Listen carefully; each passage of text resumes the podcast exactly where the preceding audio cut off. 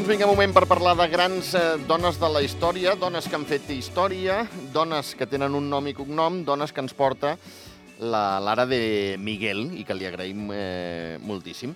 Lara, bona tarda. Bona tarda. Avui una protagonista que al principi ens pot portar a confusió. Correcte. A veure, confusió. Eh, eh, que no parlaràs de la seva vessant que coneixem a dir, tots, Exacte. Tots. Val? Bueno, podríem dir, Xavi, que eh, segurament segurament la gent la coneixerà segons en el món en el que es moguin, no? Sí, també, sí. Sí, sí, sí. Oi que sí? Estem parlant de Heidi Lamar. Exacte. Avui parlarem de la que per mi és eh, una superheroïna i, i evidentment parlarem avui del seu altre món, el de les telecomunicacions, Uh -huh. perquè, senyores i senyors, la Heidi Lamar va ser la inventora de coses tan quotidianes que fem servir avui com el GPS, el Bluetooth o el Wi-Fi. Tal qual, eh? És molt bèstia, això. És molt bèstia. I la gent, la gent que pugui estar pensant, eh, Lara, aquesta senyora no era actriu? Sí, Era, era. era, era. Era, era, era. era. Per mi és l'exemple fantàstic de, de com una persona que s'ho proposa pot ser el que li dongui la realíssima gana. Uh -huh. Perquè eh, la Heidi és l'exemple perfecte. Ara parlarem d'ella i, Mhm. i els nostres oients eh, ho entendran a la perfecció. També he de dir avui que el tema del que parlarem és tan complex que avui m'he tingut que fer inclús uns apunts per llegir-los. És a dir, que la gent quan, quan m'escolti vol dir que ho estic llegint, no és que m'ho hagi après, perquè evidentment jo sobre tecnicismes d'enginyeria de telecomunicacions, evidentment sóc una patata. Doncs ja en som dos. Sí, sí. No pateixis. Però, eh, bueno, és, és, es veurà com la Hedy Lamar, mm, si hagués volgut ser, m'ho invento, ballarina de sardanes, doncs hagués sigut la millor ballarina de sardanes del món i de la història. Perquè la Hedy va fer història tant en el món del cinema Uh -huh. com en el món de la ciència. I hem, eh, bueno, avui he escollit aquesta gran dona de la història perquè avui és el Dia Internacional de la Dona i la Nena en la Ciència. Uh -huh. I doncs per això no, no, no se m'ha ocorregut un millor exemple que el de la pionera de les telecomunicacions. L'has clavat, l'has clavat. Sí, no?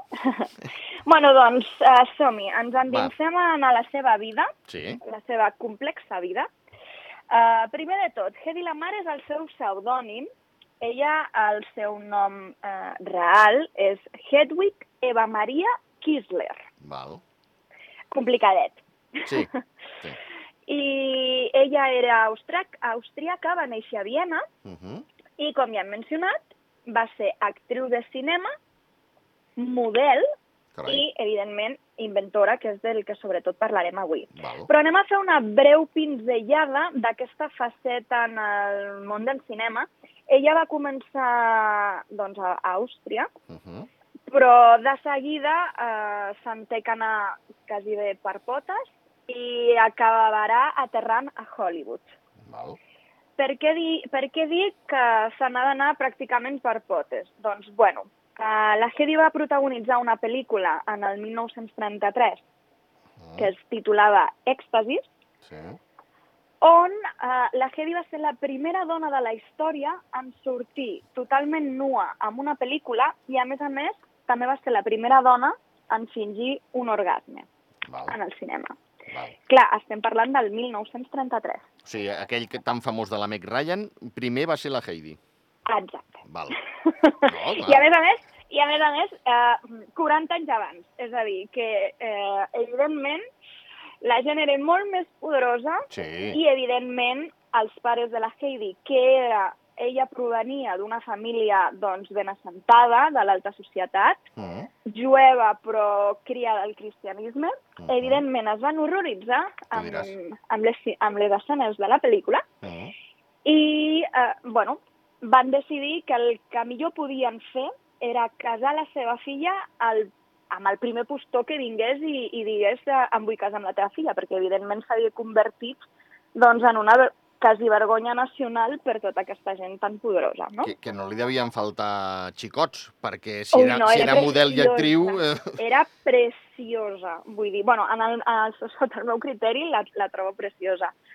Però, clar, eh, es va convertir doncs, en una tasca una mica complicada perquè, clar, evidentment, doncs, la gent ja no la veia igual. ja, Però va tenir la gran desgràcia, perquè no diré sort, va tenir la gran desgràcia de que un home es fixés amb ella, sí. vale? eh, estem parlant de pràcticament l'home més important d'Àustria, perquè en aquell moment era el magnat de la munició armamentística Mm, del país i, bueno, se'n va anar a veure els seus pares i li va demanar el permís per poder casar-se amb ella. uh -huh. Els seus pares, després d'aquest episodi, evidentment, no ho dubten i accedeixen al pacte. Clar, devien pensar, I- si algú la vol, l'entreguem al primer que arriba, val? Sí, sí, sí, perquè es va casar en aquell mateix any, eh? en, el, en el mateix any de la pel·lícula, el 1933. Val. Així que, bueno, es casen i, i ella cau totalment en desgràcia Mm, perquè era un home molt controlador, era un home molt gelós. I pràcticament eh, no la deixava sola en cap moment. ja. Així que, eh, tot i que, evidentment, eh, els seus recursos doncs, eren molt favorables, Uh -huh. eh, ella realment vivia en una presó d'or. Clar, Sí. clar. Amb una persona Però, així... eh, sí, sí, sí, però bueno, de, de totes les experiències dolentes sempre se'n pot treure alguna de bona. Segur. Així que la Hedy, que la tonta no en tenia ni un pèl, és més, eh, s'ha parlat d'ella doncs, que inclús mm, diuen que era superdotada, D'acord. Jo m'ho crec, eh? i tant, jo, Jo també, crec, jo totalment, crec. totalment, perquè ser capaç de, de fer el que explicarem després és Mhm. que, mm, sí, per mi, jo també ho crec. Doncs bé, um, com que el seu home la controlava tantíssim, doncs l'obligava a anar amb ell a tot arreu. I a tot arreu també es refereix doncs, a les reunions de feina. Carai. Així que la Hedy Lamar es trobava en moltes ocasions eh, en una sala de reunions Mm, amb el seu home on es parlava doncs, de eh, tecnologia militar i Sí. munició armamentística. Així Mhm. que ella va aprofitar i es va impregnar de mm, pràcticament tot el que es deia en aquelles reunions. A més a més, i paradoxicament, Mm, el seu marit també venia de- d'una família jueva, carai. però eh, el seu marit era, era intocable perquè era qui eh, bueno, li donava la munició Mhm. tant a Hitler com a Mussolini. Ah. Llavors es podria dir doncs, que estava eh, ben resguardat, Sí, no? sí, sí, sí, sí, sí. perquè en els, en els mandataris fascistes els interessava tindre Clar. el de la seva banda. Així que, bueno, van passar per alt que ell fos una persona jueva. Val. I, clar, doncs, eh, Hedy Lamar tapa de tot això i, a Mhm. més a més, quan es queda sola a casa, segueix amb els seus estudis de- d'enginyeria, Val. amb la qual es converteix doncs, en una enginyera i, a més a més, amb una informació confidencial sobre la Segona Guerra Mundial molt important Uh -huh.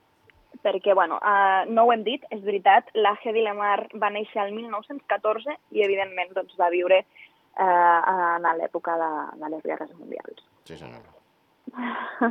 sí, sí.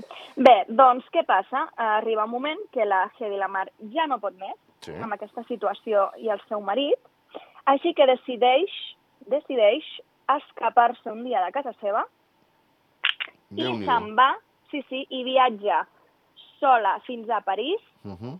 perseguida pels, pels guardes eh, que tenia el seu marit contractats. Sí. Eh, aconsegueix eh, escapar d'ells, de París se'n va a Londres i finalment de Londres hi agafa un transatlàntic per eh, acabar als Estats Units.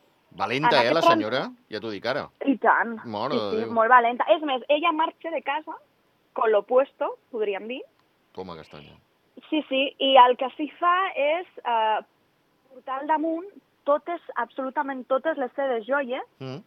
per anar a venir-les eh, pel camí per, Mhm. doncs, per poder viure. Clar. Val. Sí, sí. Així que ella eh, bueno, acaba en aquest transatlàntic amb la gran sort de que coneixerà el, el propietari de la Metro Goldwyn Mayer i acabarà doncs, contractada per ells i iniciarà, el, bueno, no és que inici, no? Eh, podrà tornar a la seva etapa d'actriu de cinema, perquè, evidentment, quan es casa, el seu marit li prohibeix. Ah, tu diràs, si era controlador, gelós i tantes coses... mm, Sí, sí, sí, sí, sí, sí. Així que, doncs, eh, ella volia seguir amb aquesta etapa del cinema i quan arriba als Estats Units ho aconsegueix i, bueno, acaba sent una de les promeses i de, de, del cinema i, bueno, tots coneixem aquesta faceta de la Hedy Lamar. Uh -huh. Molt bé. Però, eh, bueno, arriba un moment doncs, en el que ja no és tan jove, ja Mhm. sabem com és aquest món, i ella decideix doncs, eh, deixar de banda aquesta faceta i recordem que segueix tenint en el seu poder tots aquests eh, coneixements i la informació confidencial de, de la guerra. Val. Així que, eh, coneixedora d'aquests horrors del règim nazi, sabent que ella també jueva, Uh -huh. vol aprofitar aquests coneixements per oferir-los al govern dels Estats Units i posar, bueno, posar aquesta informació a l'abast doncs, de, de l'altra banda de, de la guerra, no? de, de, dels aliats. Sí. Així que, d'aquesta manera, és com la Hedy a poc a poc s'introdueix eh, doncs, en el govern de, dels Estats Units per prestar el seu servei, bueno, més que el seu servei, la seva intel·ligència. Uh -huh. I, bueno, al començament, al ser una dona i la dona que era, Sí. no van confiar massa en ella. És més, eh, la primera tasca que li encomana el govern és la de vendre bons de l'Estat. Carai. I en un únic dia arriba a vendre fins a 7 milions de dòlars. Ostres. Clar. Que fort. La Hedy Lamar era, era reconegudíssima, doncs, eh, evidentment, a tots els Estats Units i a nivell mundial, amb la qual doncs, eh, la, ella accepta la feina, evidentment, però bueno, se sent que mm, encara no, no, no està aportant tot el que podria, Uh -huh. i llavors, bueno, fer aquest gest de vendre els bons va ser una mica guanyar-se el vot de confiança i, i ja li permeten doncs, eh, començar a treballar i, i és eh, llavors quan farà el seu invent. Val. Val. Sí, sí. Eh, deies un invent que, bueno, que gràcies a aquest invent eh, tenim wifi i GPS, entre d'altres, eh, i Bluetooth. Sí, ara arriba la part en què jo agafo el paper Molt i bé. us, i, us- i us hi deixo les notes i parlem del seu invent. Val. D'acord? Que el seu invent és l'espectre eixamplat, que és l'avançada de les comunicacions sense fils. Val. O sigui, el que, amb el que nosaltres no sobrevivim avui dia si Sí. no tenim un mòbil, no? Sí, sí, sí. doncs sí. és sobretot gràcies a ella. Llavors, la Hedy va crear un sistema de defensa. Recordem que tot això era eh, per ajudar a que els aliats doncs, poguessin guanyar, d'acord? Llavors, la Hedy està treballant eh, en el bando dels submarins britànics contra els alemanys. Val. D'acord? Llavors, clar, se li demana eh, de crear un sistema de defensa val? que partia d'una idea molt simple, molt simple, molt simple i molt eficaç. Uh -huh. Aquesta idea tra eh, tractava de transmetre missatges o ordres de comandament Mhm. fraccionant-los en petites parts Val. i cadascuna de les quals transmetria seqüencialment, canviant de freqüència cada vegada, -huh. seguint un patró pseudoaleatori. Carai.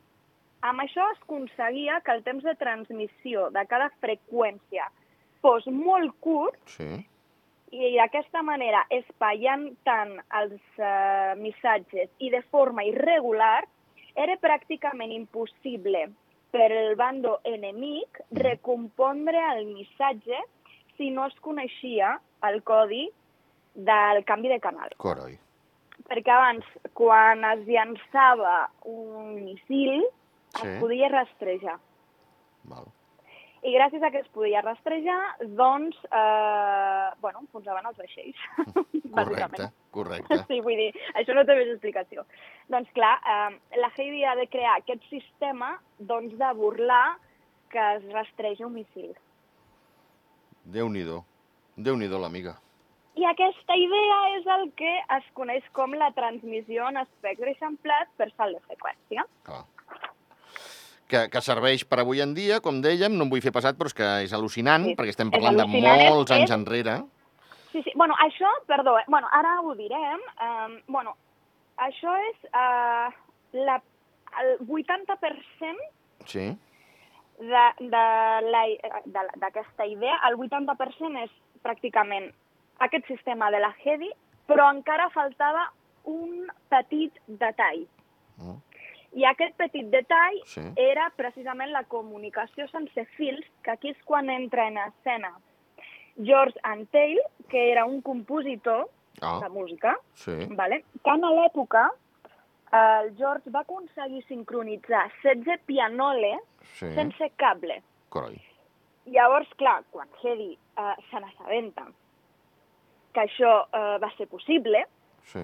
és quan, el, quan es posen en contacte i li diu, escolta'm, um, vine a treballar amb mi perquè necessitem aqu aquesta tecnologia teva de poder sincronitzar sense cables. Que fort. Llavors és ja quan uh, ells dos creen uh, l'espectre eixamplat. Coroi.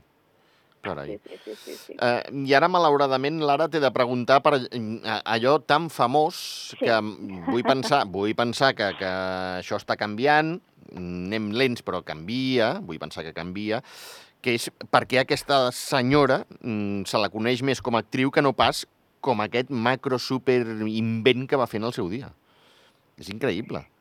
Sí, doncs mira, t'explico. Um, doncs perquè en aquella època Sí, eh, no hi havia telèfons eh, mòbils, en aquella època doncs eh, tota aquesta nova tecnologia que coneixem avui dia encara no estava inventada, Mhm. d'acord? I tot i que ells dos eh, sí van crear una patent sí, amb l'explicació d'aquesta idea, val. en aquell moment no, no, no era necessària perquè no, no havíem arribat a la nova tecnologia. Aquella patent Mm eh, bueno, doncs va quedar una mica en l'oblit fins que amb el pas dels anys Sí. i la evolució de la tecnologia sí que va arribar una empresa i va dir, i va reconèixer gràcies a aquesta patent, val. avui en dia eh, podem comunicar-nos sense Mhm. fils. És més, moltes d'aquestes empreses avui en dia han dit que aquesta patent Sí, de la Hedy i el George sí, mm, avui l'han desenvolupat així i tenim doncs, els telèfons mòbils, el GPS, el Wi-Fi, el Bluetooth, etc. Mhm. Però que encara hi ha moltíssimes possibilitats de descobriment, que fort, que fort. que només s'ha utilitzat una part d'aquesta patent, però que realment no s'ha eh, no, no se li ha tret tot el suc possible, no? I entenc, i- entenc Lara, que aquesta dona eh, devia morir multimilionària. No, és més, eh, parlem d'això. En aquella època, Sí. d'acord, les patents, quan tu les registraves, Sí, des del moment que les registraves, només tenies sis anys mm, per reclamar que la patent s'utilitzava. És a dir, que clar, no va ser fins gairebé 20 anys més tard Mhm. que va començar a desenvolupar-se la tecnologia d'avui en dia. Amb la qual ni George, ni el George, ni la Hedy han vist mai un cèntim del seu invent. Un invent, record, un invent que avui dia, avui dia, any Sí. 2022, ho vaig estar buscant, perquè, bueno, sóc una mica curiosa i vaig dir, ostres, anem a veure Sí, en quant s'estimaria, en qui, quin Bo. valor tindria aquesta patent avui Bo. dia. I aquesta patent avui dia, Xavi, s'estima en 30.000 milions de dòlars. mare de Déu. S'estimen 30.000 milions de dòlars. Que O fort, sigui, imagina't. Sí, sí. que fort. I, bueno, gràcies a aquestes empreses, ta- també t'he de dir que mm, aquestes empreses sempre han, recone han reconegut la feina de la Hedy i el George. Bueno, eh, només faltaria. Eh? Bueno, però és, és també allò... haguessin... Bueno, però clar, mm, com que ja no es podia reclamar la patent, també haguessin pogut dir, bueno, mm, és nostra. No, ja, no. ja, sí, sí, clar. Sempre sí, ho sí. van voler reconèixer Però bueno, no és fins, fins al final pràcticament de la vida de, de la Heidi que se li comencen a otorgar doncs, tots els premis de ciència Ja. uh, i tots aquests reconeixements, no? Que, bueno, en el moment en el que arriben, Heidi Lamar ja diu que, bueno, que ja Que, és que, que, tard, no? que gràcies, però sí, clar. Sí, els, els premis se li otorguen uh, dos, tres anys abans de morir, eh? Ostres, ostres. Sí, sí. Ben bé, és allò... Perquè no sigui pòstum, eh? Eh, Vinga, va. tu. Quasi. Mare Sí, de Déu. sí, quasi. Mm. Increïble, increïble, increïble la figura de Heidi Lamar. Brutal. Molt, Perquè molt. jo he, de, jo he de confessar que la coneixia d'alguna pel·lícula, segur que n'ha fet moltes més de les que he vist jo, eh? però eh, pues això, jo tenia al cap que era actriu, aquesta senyora. Però Sí, exacte. Jo resulta que també. era, era actriu i una crac. I una crack. Sí, sí, sí. Que fort. Una crack que, doncs, bueno, mm, per circumstàncies de la vida i, i d'una guerra i doncs d'intentar que, que mori eh, molt poca gent, no? Perquè, bueno, mm, en, en un principi, que Dilamar s'uneix també en aquest projecte per, per intentar evitar la mort de molts jueus, Clar. clar. Clar. I, I, bueno, doncs, doncs una situació com aquesta és la que et porta a, a estudiar, a investigar i finalment a, a poder crear un sistema de defensa Uh -huh. eh, perquè, no, perquè la gent no segueixi visquent d'aquesta manera tan horrible no? com Sí, sí, però- la guerra. A tu et pot indignar moltíssim la mort de, dels teus eh, compatriotes o dels teus eh, semblants, però si no tens el caparró, escolta'm... No, de, de, sí, sí, oh, evidentment. a mi em pot indignar Sí, sí. molt, però jo no hagués arribat aquí ni en broma, eh? Vull dir... No, i, i més a més, doncs, doncs a part de, de, de que has de tenir el cap i la intel·ligència, evidentment, doncs a, aquesta constant... Ella sempre va ser molt inquieta i, i sempre va voler estar eh, estudiant i, i ajudant, no? Uh -huh. Eh, també vaig llegir que ella des dels 4 anys ja sabia tocar perfectament el piano, no? La seva mare, la seva mare tocava el piano, era pianista, però bueno, que amb 4 anys Ja toquis el piano. tocar perfectament Brutal. un piano, déu nhi duret, eh? Sí, sí. Uh, Lara, t'ho agraïm moltíssim que ens hagis portat a Heidi Lamar, uh, l'hem descobert i ja tenim una, una cosa més al, al sarró apresa. Uh, moltíssimes sí, I que, gràcies. deixem, I que deixem enrere els estigmes de que la ciència és només per als homes, perquè, mira, nosaltres ja sabem que des dels anys 50 eh, la ciència i la dona és possible. Sí, senyora. Gràcies, Lara. Bon cap de setmana, adéu. Merci, adeu.